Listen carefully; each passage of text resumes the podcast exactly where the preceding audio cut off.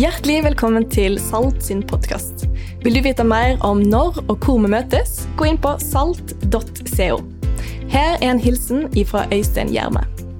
Tusen takk for at du lytter til podkast ifra Salt. Vi er inne i en spennende periode som menighet fordi vi har akkurat kjøpt Forum kino, som skal bli et hjem for Salt. Og så skal det være et kulturhus for hele byen. Vet, vi forkynner fra en plattform. Fram til nå har vi gjort det fra leide bygg. Nå har vi muligheten til å investere i et bygg som skal velsigne mennesker i mange år framover. Vi ber denne høsten medlemmer og venner og partnere og folk som lytter til denne podkasten, om å gi et bidrag for at vi skal kunne komme i havn med egenkapitalen til dette prosjektet. Så hvis du vil, ta og vips noen penger til 12345, eller gå inn på salt.co slash forum og les hvordan du kan være med og bidra. Vi trenger hjelp fra mange for å nå i land med dette, og sammen bygge en plattform hvor vi kan nå enda lenger. Så tusen takk for din gave. Kjempefint. Veldig bra. Flott å se alle sammen. Fint å se de av dere som er tilbake fra Syfjellsturen. Gratulerer. Dere fikk med dere, Er det noen forresten her som har gått Syfjellstuen i dag? Ja, der ja, ser man det! ja. Der har vi en helt. Ja, Det er fantastisk. Jeg merket det klokken 11 i dag morges at de, de sprekeste av sognebarna var ikke i kirkelyden i dag morges. Så da tenkte jeg da er de på fjellet. Men det er greit. Jeg kan leve med det. Det skjer jo nå, akkurat nå om 19 minutter så begynner det en veldig spennende fotballkamp på, på Brann stadion. Vi har en menighet i Bergen, og vi har også en i Trondheim. Og det gjør jo at som, som pastor og, som en som har hjerte for alle, og som hører Paulus si at eh, vi skal bli alt for alle for i alle fall kunne vinne noe. Og da mener jeg ikke fotballkamper, vinne fotballkamper, men jeg heier på Trondheim når jeg er i Rosenborg når jeg er i Trondheim. Og Dette tok jeg opp i Etisk råd i menigheten vår en gang og sa er det, er det løgnaktig av meg å, å heie på Rosenborg når jeg er i Trondheim. Og det sa de. Det var. Så, så, så, jeg gjør ikke det. sånn, Men sist jeg var oppe, så var det en ung gutt som altså, kledde på meg sånn Rosenborg full bradur og greier her, og så måtte jeg stå og bli tatt bilde av med Rosenborg. Og den kvelden så fikk jeg ikke lov til å komme inn på, gjennom passkontrollen på Flesland. Sånn er det. Så, så la, la, oss be til Gud om at det beste laget vinner i kveld. Så etter denne preika her så skal jeg se andre omgang. Amen. Går det bra? Det var en søndagsskolelærer som spurte klassen sin hva må vi gjøre dere for å kunne bli tilgitt. Du vet, du skal alltid oppsummere etter, etter søndagsskoleklassen. Hva må vi gjøre? Så var det ingen som svarte, og så var det en kid bak oss som sa du må synde litt først. vi alle sammen har greier i vårt liv som vi ikke er stolt av. Og Vi som har en kristen livsanskuelse, vi tør å bruke Bibelens språk på det som er det stoffet. Folk som har en, en annen livsanskuelse eller tilhører en ideologi som gjerne ikke har rom for Bibelens språk i livet, har andre betegnelser på. Men jeg tror at vi mennesker vi erkjenner det at alt ikke er perfekt i noen av oss. Og Det som skjer når vi kommer til kirken i mer liturgiske tradisjoner enn sånn som menigheten vår her, det er at vi kommer til gudstjeneste, og så gjør vi en synsbekjennelse sammen. Fordi at vi alle sammen skal erkjenne og være sanne om at vi er alle i samme båt.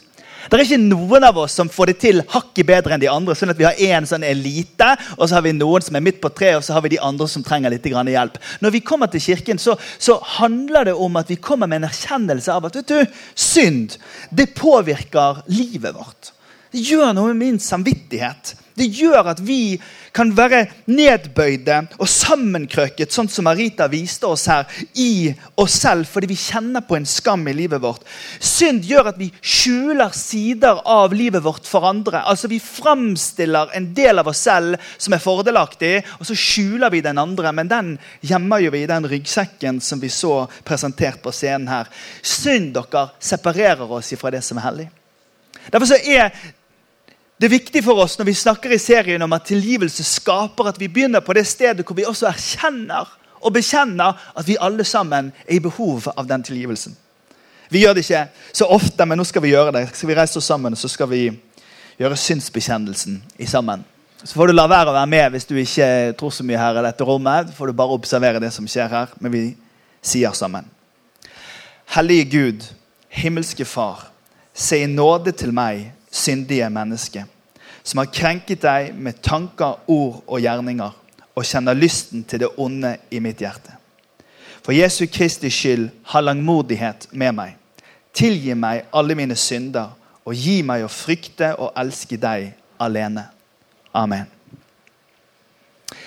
Det som skjer når vi erkjenner at vi er slike som er i behov av Guds nåde, er at um, hele rommet blir likt på en måte. Så kommer vi da til bønnen, så kommer vi til lovsangen og så kommer vi til forkynnelsen. Ikke fra et sted av at vi får det til, men et sted av at vi trenger Guds nåde, vi også. Og Meldingen om at noe ikke er på plass i livet vårt, er rundt oss overalt i samfunnet. Og Vi finner det i litteraturen, vi finner det i mediene, vi finner det i dramaene som vi ser på TV. Skam har på mange måter satt ord på det stoffet som vi i kirken kaller synd, på en slik måte at en hel ungdomsgenerasjon har nikket gjenkjennende og sagt ja, sånn er livet vårt. Vi som bærer en ryggsekk av ting som ikke er på plass i livet vårt. Håkon Mosleth han skrev med teamet sitt fra 2015 første sesong om relasjonelle utfordringer, om ensomhet, om identitet og om tilhørighet. Sesong to handlet om problematiske relasjoner, feminisme, spiseforstyrrelser og seksuelle overgrep. Tredje sesong handlet om å komme ut, om homoseksualitet, om mentale sykdommer og om religion. Fjerde sesong handlet om islam, forbudt kjærlighet, mobbing i sosiale medier og russetid. Og så slang de på på slutten hvordan foreldrene har det. Med depresjon og en opplevelse av avvisning. Og det de gjør med skam, er at de slenger inn i sentrum av vår oppmerksomhet at ting er ikke sånn som det egentlig burde være i livene våre. Det er et stoff som gjør at det som skulle vært på plass, ikke er på plass. og Det påvirker vår syke, det påvirker vårt følelsesliv, det påvirker vår helse, det påvirker våre relasjoner. Og Skam ikke alene. One Tree Hill, Gossip Girl, The OC og den nye NRK-serien Blank snakker alle om det samme temaet. Og vi, vi kjenner oss igjen. Og Når vi leser Bibelen, deres, så har jeg sagt mange ganger til oss at en ting er at vi leser den, men den leser også oss. Og den Historien som vi skal lese om her i dag, det er en historie om en jente som har gjort noe galt. Altså, Hun har gjort det. Og det hun har gjort, gjør at de utfører en sånn anklagerunde på henne. De slenger henne ned på en gårdsplass. Hun ligger i midten og hun er sammenkrøyket, sånn som Marita viste oss her. Nedbøyd, innkrøket i seg sjøl. Hun har null perspektiv på hva som skjer rundt henne. Det eneste hun tenker på, er at 'jeg er anklaget'. Og hun tenker 'jeg er aleine i møte med anklagerne mine'. I Skam dere så er jo evangeliet og forsoningen i Skam den får du gjennom vennene dine. Altså Summen av vennskap og kjærlighet som fins omkring deg, det er det som skal sette deg opp igjen på beina og gi deg et nytt liv. Og personlig mener jeg at det er en litt feil adresse. Fordi vi vet at mennesker de svikter, og de er kjipe og de er vanskelige. Altså, jeg tror på det gode i folk, men jeg tror også på det kjipe i folk. Og jeg tror at det er en langt bedre adresse. Det som denne jenten opplevde denne dagen, og det er det at det var ikke bare blant vennene sine hun kunne se etter en mulighet for å finne forsoning. Det var en annen i ringen sammen med henne. Hun så ikke det, men i ringen sammen med hun, når det sto en mobb av folk rundt henne, så var Jesus. Og Jesus dere, han har ikke det stoffet i seg som du og jeg har i oss. Jesus han eh, kjente på de samme fristelsene, han kjente på de samme utfordringene. Men, men, Bibelen forteller oss at Jesus gjorde aldri noe gærent. Jesus var uten synd. Han var uten skyld. Og Det gjorde at han kunne være den som kunne ta tilgivelsens kraft. Og så kunne han påføre den på denne jenten og reise henne opp til et helt nytt liv. Og Min tro det er at han gjør fortsatt det i dag. Jesus han i en hendelse påfører meg og deg en tilgivelseskraft som skaper et nytt og bedre liv for oss. Og Det gjør han med rike folk i Amerika, og det gjør han med intellektuelle folk i England, og det gjør han med raske folk i, eh, i eh, ja, Nå er jeg jo langt utenfor manus her, men du skjønner at alle er med. på en måte. Han, alle er med i det at han reiser oss opp igjen på beina igjen. La oss bare lese denne historien her. Og De av dere som er litt mørkeredd for uh, sterke bibelfortellinger, det er selvfølgelig null praksis rundt uh, steining og sånn i den moderne kristne kirke. Uh, og Dette er tusenvis av år siden, og det var reglene deres, og det er til illustrasjon for et poeng i dag. Går det greit? Kan dere si et lite? Hele folkemengden samlet seg om ham, og han satte seg og begynte å undervise dem. Da kom de skriftlærde og fariseerne med en kvinne som var grepet i ekteskapsbrudd. De førte henne fram og sa, 'Mester, denne kvinnen er grepet på fersk gjerning i ekteskapsbrudd.' Da de hørte dette, i, eh, i loven har Moses påbudt oss å steine slike kvinner. Men hva sier du? Dette sa, sette, sa de for å sette ham på prøve, så de kunne få noe å anklage ham for. Jesus bøyde seg ned og skrev i jorden med fingeren. Men da de satte, fortsatte å spørre, så rettet han seg opp og så sa han, den av dere som er uten synd, kan kaste den første stein på henne. Så bøyde han seg ned igjen og skrev på jorden. Og Da de hørte dette, så gikk de bort, én etter én, den eldste først. Og Til slutt var Jesus alene igjen, og kvinnen sto foran ham. Da rettet han seg opp og så spurte han kvinne, hvor er de? Har ingen fordømt deg? Hun svarte, nei, Herre, ingen. Da sa Jesus, heller ikke jeg fordømmer deg. Gå bort og synd ikke mer fra nå av. Hun er innkrønket, uten perspektiv. Og så reiser Jesus henne opp. Og Så ser hun tilgiveren Jesus, og så ser hun at anklagerne er borte. Og så bekjenner hun at ingen fordømmer meg.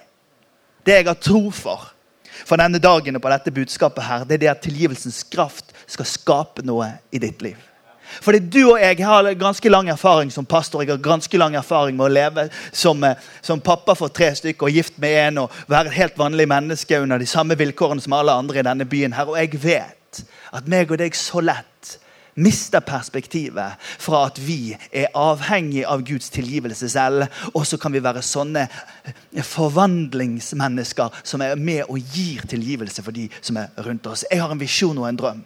Og det er at vi som følger Jesus i det moderne Norge, ikke skal være slike som står i ringen rundt og anklager, men at vi er slike som slipper det som vi har, tenker at vi har rett til å anklage med, og blir slike som i kantinen på jobben, i klasserommet på skolen, og i nabolaget og idrettslaget og i familien er slike som vet Vet du hva? Vi er alle i samme båt og trenger hans tilgivelse. Og fordi jeg trenger det, så er jeg villig til også å gi det. Og så blir vi slike som kaster et lys av tilgivelsens skapende kraft innover byen vår. Det er evangeliet om Jesus Kristus.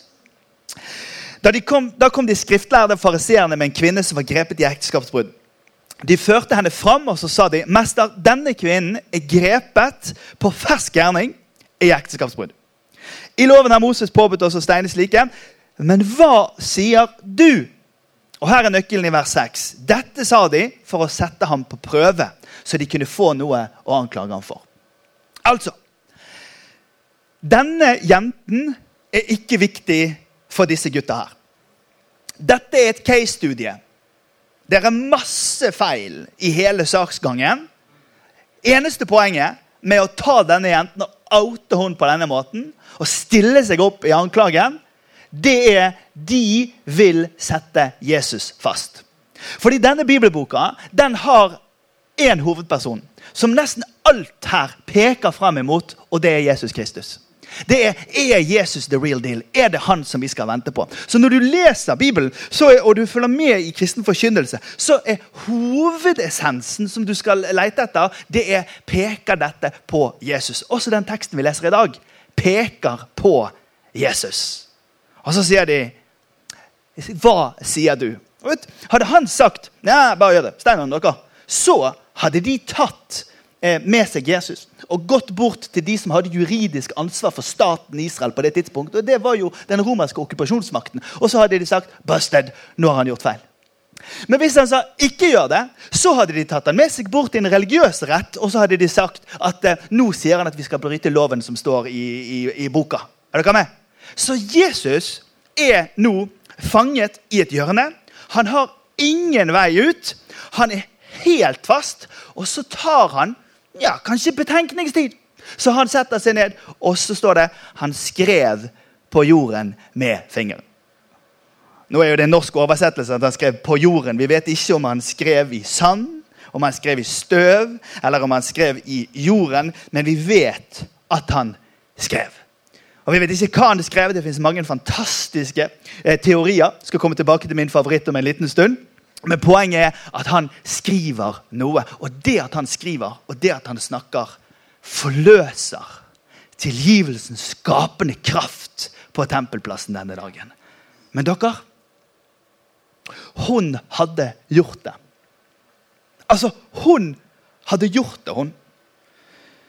På denne tiden, Unge jenter ble jo giftet vekk. sant? De hadde jo ikke funnet en boyfriend på Tinder. sant? Eller vært ute på disko. Det var jo sånn at uh, du kan, du kan, gifte deg med, med han der. Sant? Og han var kanskje eldre. Kanskje hun liksom var på kjekkeren med en på jevnaldrende. Eh, eh, og så giftet hun seg med han der, eh, sant? som gjerne var ja, Kanskje han jobbet i Nordsjøen eller, eller var sånn, ja, på båt, liksom, så han var vekke litt. Så hun tenkte at jeg sniker meg bort til han jeg egentlig er forelsket i, når han er på sjøen. Altså, Nå bare kommer jeg på ting. Det står ikke i boken. Men du kan jo tenke deg fram til at hun gikk da hjem til han der eh, ja, Pablo eller eh, Ruben eller whatever. Eh, og, så, og så sitter de der og, og spiser ostepop og, og, og, ser på en romantisk film. Og så kommer de inn opp døren. Busted! Og så tar de henne med ut. Nå tar jeg ikke det så veldig grafisk, for det er yngre folk her. Alright? Det var mer enn ostepop. for å si det sånn. Så drar de han med ut gjennom smauet. Alle mennene og damene de kommer ut og ser ned, ned, ned i smauet. Og så ser de at de drar henne med seg som en sånn sint mobb av gårde. Noen tar bilder og laster det opp på, på, liksom, på en eller annen nettside med en gang. Sant? Det er Snap, og det er, bare, det er fyr i alt mulig. Og når hun kommer fram til tempelplassen, så er det overskrift i byens avis i Jerusalem Post at hun er busted. Og Så slenger de henne ned i sentrum, og så står det en ring rundt holder steiner. For dette de mener at de har rett til å gjøre med henne rettferdighet. Hun ble tatt på fersk gjerning. Og det er en ting du og jeg, hvis vi skal være helt ærlig, er redd for, så er det at vi skal bli tatt på fersk gjerning. For det fins jo ting i våre liv som vi helst ser at ikke andre ser. Det fins jo situasjoner hvor vi snakker på en måte som vi håper, håper ingen filmet det. Det fins jo situasjoner hvor vi er med på greier som vi tenker det er godt at det ikke var et kamera et sted. Men så bare åpnes døren, og så blir vi avslørt. Noen ganger dere, så er den avsløringen eller jeg vil si i alle tilfeller, så er den avsløringen en mulighet til frihet. Marita satt nedbøyd her med sekken sin, så klart jeg tenker på den, de to årene vi har hatt med, med metoo-greier.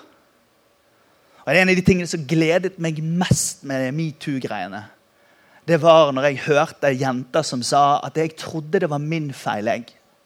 Men nå når disse folkene som har brukt makten sin og styrken sin og, og kraften sin og posisjonen sin for å styre og utnytte unge jenter Når, når, når de ble avslørt, så så mange unge jenter at vet du hva? Det er flere som er i samme situasjon som meg, og det var ikke min feil. Greien er den, dere, at metoo det lærer oss at folk som har makt og folk som har posisjoner, de utnytter den når de har muligheten til det. Jeg tror det er utrolig mange som er ganske så redde rundt omkring og tenker at det er det der, sånn oppførte jeg meg også. Så det er utrolig mange som tenker sånn der kunne jeg også, det, der, det, det finnes stoff i meg til å gjøre det samme. Og så ser vi at på samme måte som vi ser i skam, og på samme måte som vi er gjennom synsbekjennelsen, at dette dessverre, dette stoffet som kan få oss til å gjøre greier som vi ikke er så stolt av, det, det gjelder oss alle. Men denne kvinnen dere, hun hadde gjort det. Og greien var den at De satt med en regelbok som sa at måten man løser dette på, det er ved å gjøre dette. Og dette er jo helt sykt å gjøre dette. Og Jesus er på mange måter i et hjørne. Og så sier han noe så glimrende genialt. Den av dere som er uten synd, kan kaste den første steinen på henne. Og så bøyde han seg ned igjen og skrev på jorden.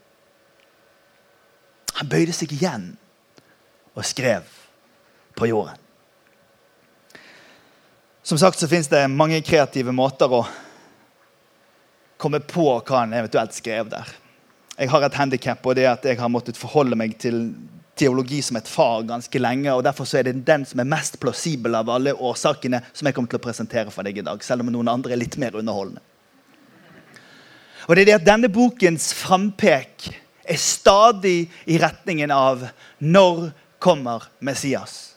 Hvem er han som skal bringe en ny skapelse inn i den gamle skapelsen? Hvem er han som skal tilgi oss? Hvem er han som skal gjenopprette oss? Det levende spørsmålet i bibelboka og i Jesus samtid var dette spørsmålet Det er vel ikke han, vel? Det er vel ikke han det der fra Nasaret? Han det der, han der snekkersønn? Det er vel ikke han som er the real deal?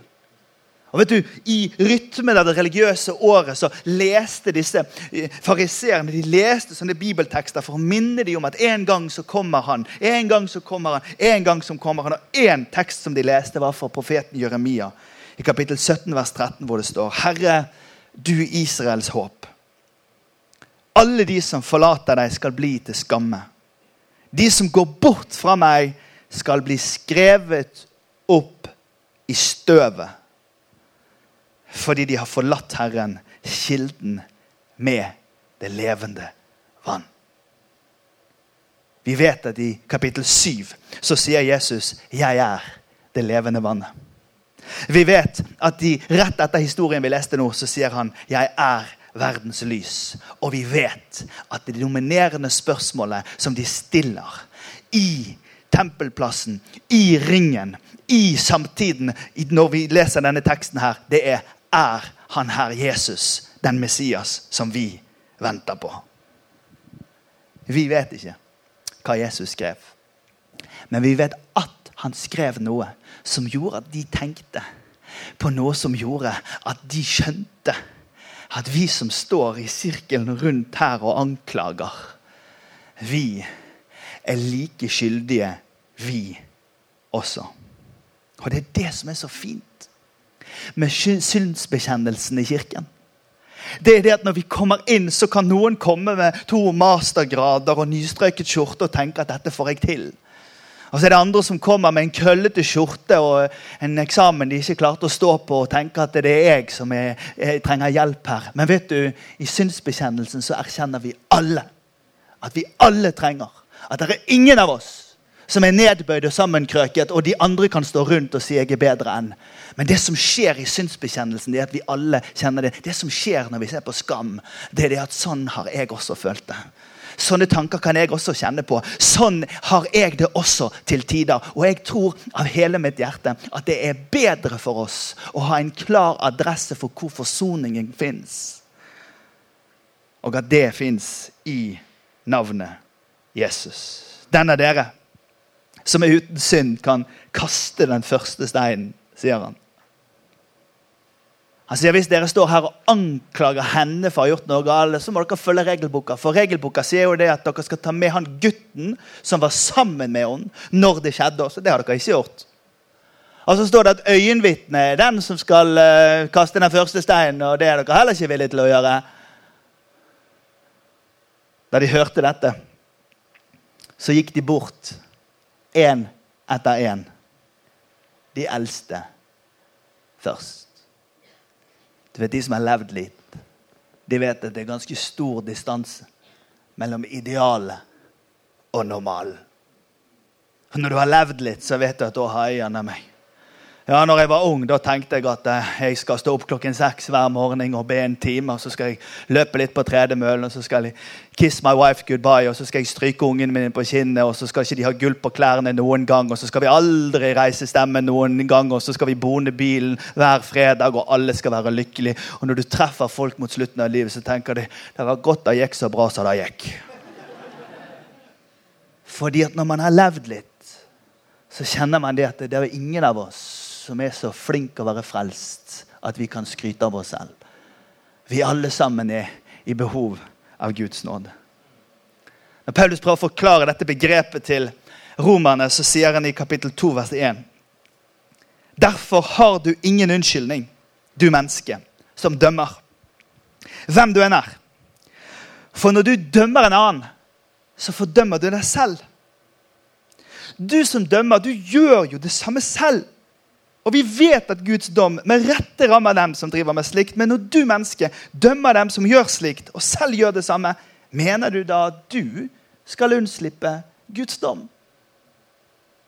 Og Det han forsøker å male bildet av Paulus, det er det som Johannes forsøker også å få gjennom i sin beretning. det som skjedde på tempelplassen den dagen. Det er det at vi kan ta en stein i hånden vår og stille oss i en ring rundt de andre som har gjort feil og hevde retten av at 'jeg ble såret, derfor så skal den personen betale'. 'Jeg er lei meg, derfor så skal den personen betale'. Jeg hadde aldri havnet på forsiden av avisen, for jeg hadde aldri gjort noe så idiotisk som å gå ut på en nattklubb klokken to om natten etter jeg har hatt en mediestorm mot meg og danse med en som spør om de kan ta en selfie. Men saken er den at vi alle sammen føler at vi har en rett til å hive oss opp i ringen rundt de som har gjort noe feil. Og bære selvrettferdigheten av å være anklager. Men det Jesus gjør, er at han holder opp et speil og så sier han, 'Folkens, hello!' Hvis du anklager noen andre, må du ikke glemme det at du òg trenger Guds nåde. Så vi reiser opp sammen, så tar du med steinen din.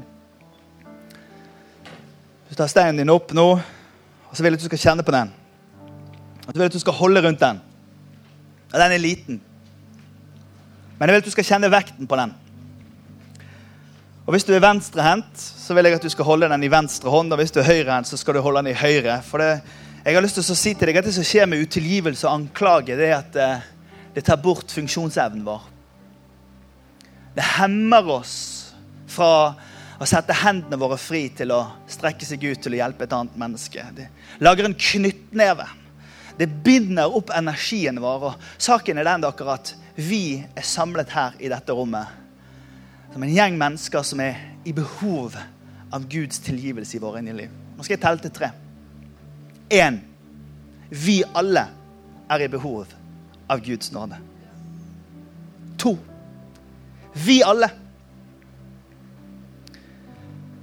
til tider stiller oss opp i en sirkel, om det være på sosiale medier eller i kantinen på jobben eller med venner og i familien, og stiller oss opp i en sirkel og sier at vi har en rett til å ta folk for det feilet de har gjort. Men når vi anklager, så avslører jo vi at ikke vi har skjønt at vi også trenger tilgivelse. Nå skal jeg straks si tre, og når jeg sier tre, så vil jeg at vi skal slippe. Tre. Og etter alle steinene var falt ned den dagen, så ble det helt stille. Så gikk Jesus bort til denne kvinnen og så sa han, Til slutt var Jesus alene igjen. Kvinnen sto foran ham. Da rettet han seg opp og så spurte han, kvinne, hvor er de? Har ingen fordømt deg? Og så sier hun nei. Det er ingen som har fordømt meg. Og så sier han, heller ikke jeg fordømmer deg. Så reis deg opp, og så går du herifra. Og så lever du et annet liv enn det livet du har levd fram til nå. Fordi at tilgivelse skaper det skaper et nytt og et bedre liv. Alle slapp steinene sine og gikk, og hun fikk lov til å gå inn. Hun, jeg lover deg, var nok en av de som lot være å heie på mobben når de skulle ta noen som, som hadde gjort noe feil.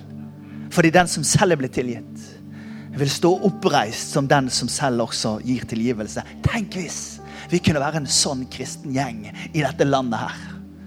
Som ikke blir med det hylekoret av utilgivelse som vi i samfunnsdebatten kan se. Denne, denne hardheten, denne mangel på tilgivelse som bare kommer som en sånn kuldestorm innover for å ta de folkene som har gjort feil. Tenk hvis vår stemme kunne være annerledes. Tenk hvis vi ikke bare har skjønt at jeg trenger det, men at jeg kan også få lov til å være en kanal for det. Tenk hvis vi kunne slippe vår rett til å ha rett, og heller slippe til tilgivelsen som skaper. For den kristne troen hviler ikke på gjerningene våre, den hviler på vår tro. Det står i Romerbrevet 23. For ikke noe menneske blir rettferdig for Gud pga. gjerninger som loven krever. Nei, nei, nei, nei. Men ved loven så lærer vi synden å kjenne. Something is wrong. Og ved skam lærer vi synden å kjenne. Something is wrong. Ved metoo lærer vi synden å kjenne. Something is wrong. På sosiale medier så ser vi det. Something is wrong. Men Johannes 1, 17 sier ja da, loven kom med Moses, og skam kom med NRK. Men nåden og sannheten, den har en adresse. Og det er han som står i ringen med den som er anklaget, og sier heller ikke jeg fordømmer deg. Herre, vi priser deg og takker deg for at det er sant.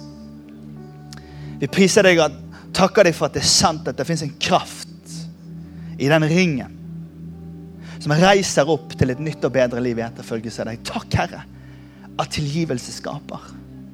Takk, Herre, at du skaper i livene våre. At du ved din Hellige Ånd forvandler oss til å være sånne agenter, sånne barn av nåden og friheten. Og rausheten og godheten. På vår skole, i kafeteriaen og i vår familie med alle øyne lukket her nå. Jeg opplever Den hellige ånd sier at det er noe som bare du, du har fått bilder allerede nå av at ja, det er der jeg, jeg knuger på min stein og min rett, men jeg trenger å slippe det. Når du hørte lyden at det slapp her i sted, så tenkte du jeg må bare slippe det. Jeg tror Den hellige ånd bare taler til noen her nå. Gå fra den ringen av anklager og gå heller med et budskap om tilgivelse. Med alle øyne lukket så bare spør jeg deg, hvis du tenker vet du hva, det er meg, Den hellige ånd taler til meg akkurat nå. Jeg tar imot den friheten. Og du bare strekker deg til himmelen så sier du, Jesus, hjelp meg å tilgi. Hjelp meg å slippe taket. Hjelp meg å gå fra anklager til tilgiver. Lær meg dine veier. Hvis det er deg med alle øynene lukket, bare løft opp hånden din der du står, skal jeg be for deg. Herre, jeg ber. Takk, Jesus. Jeg ser hender mange steder her. Bare ta opp hånden din. Se frimodig opp til Jesus. Det er bare jeg som ser. Jeg skal få ta ned om et øyeblikk. Det er kjempebra. Veldig bra. Skjer noe i rommet her. Nå kan dere ta ned hånden igjen. Herre, jeg priser deg og takker deg for at du taler til folk akkurat nå. Takk for tilgivelsens skapende kraft. Takk for akkurat nå, Herre, så slipper vi steinene som vi bærer. Og så går vi i tilgivelsens ærend. Andre spørsmål jeg bare må stille dette før vi skal gå over til nattverd straks her. Men hvis du opplever en utilgivelse, at du sliter med å tilgi noe som har skjedd med deg, eller du sliter med å tilgi deg sjøl, så er jeg overbevist om at Den hellige ånd han, han tar det. Prosess. Jo, men hvorfor får ikke det til? Prosess, som Marita sa til oss i begynnelsen her. Den hellige ånd tar deg på en reise. Og jeg, jeg, skal ikke si at det skjer et mirakel her nå. Men jeg har lyst til å høre med deg om du har lyst til å gå den prosessen med Den hellige ånd. Om det er din, ditt retningsvalg denne kvelden, at jeg vil gå med deg, Jesus. Jeg kjenner ryggsekken fortsatt. Jeg kjenner innkrøkingen fortsatt. Jeg, jeg, kjenner skammen over å ikke slippe taket fortsatt. Jeg kjenner at det er vanskelig, men jeg har lyst å gå med deg. Jeg spør deg om du har lyst til å gå med Jesus på tilgivelsens vei. Der hvor ditt hjerte kan bli helbreda, og der hvor du kan få lov til å være en sånn som helbreder de som er rundt. Men Løft opp hånden din, så skal jeg be for deg også. Om at Jesus skal gjøre dette som en bekjennelse mellom deg og han. Jeg ser her mange hender.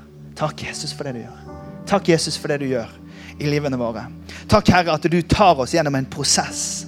Herre, takk at du kan når som helst på den prosessen bare gjøre opp status og bare helbrede et hjerte i et sekund. Men Herre, vi sier ja til veien av tilgivelse. Vi sier ja til veien av forsoning.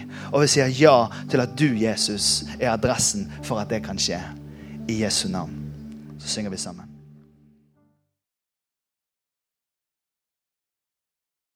Tusen takk for at du lytta til podkasten. Vi håper at dette budskapet vil være til velsignelse for deg i uka di.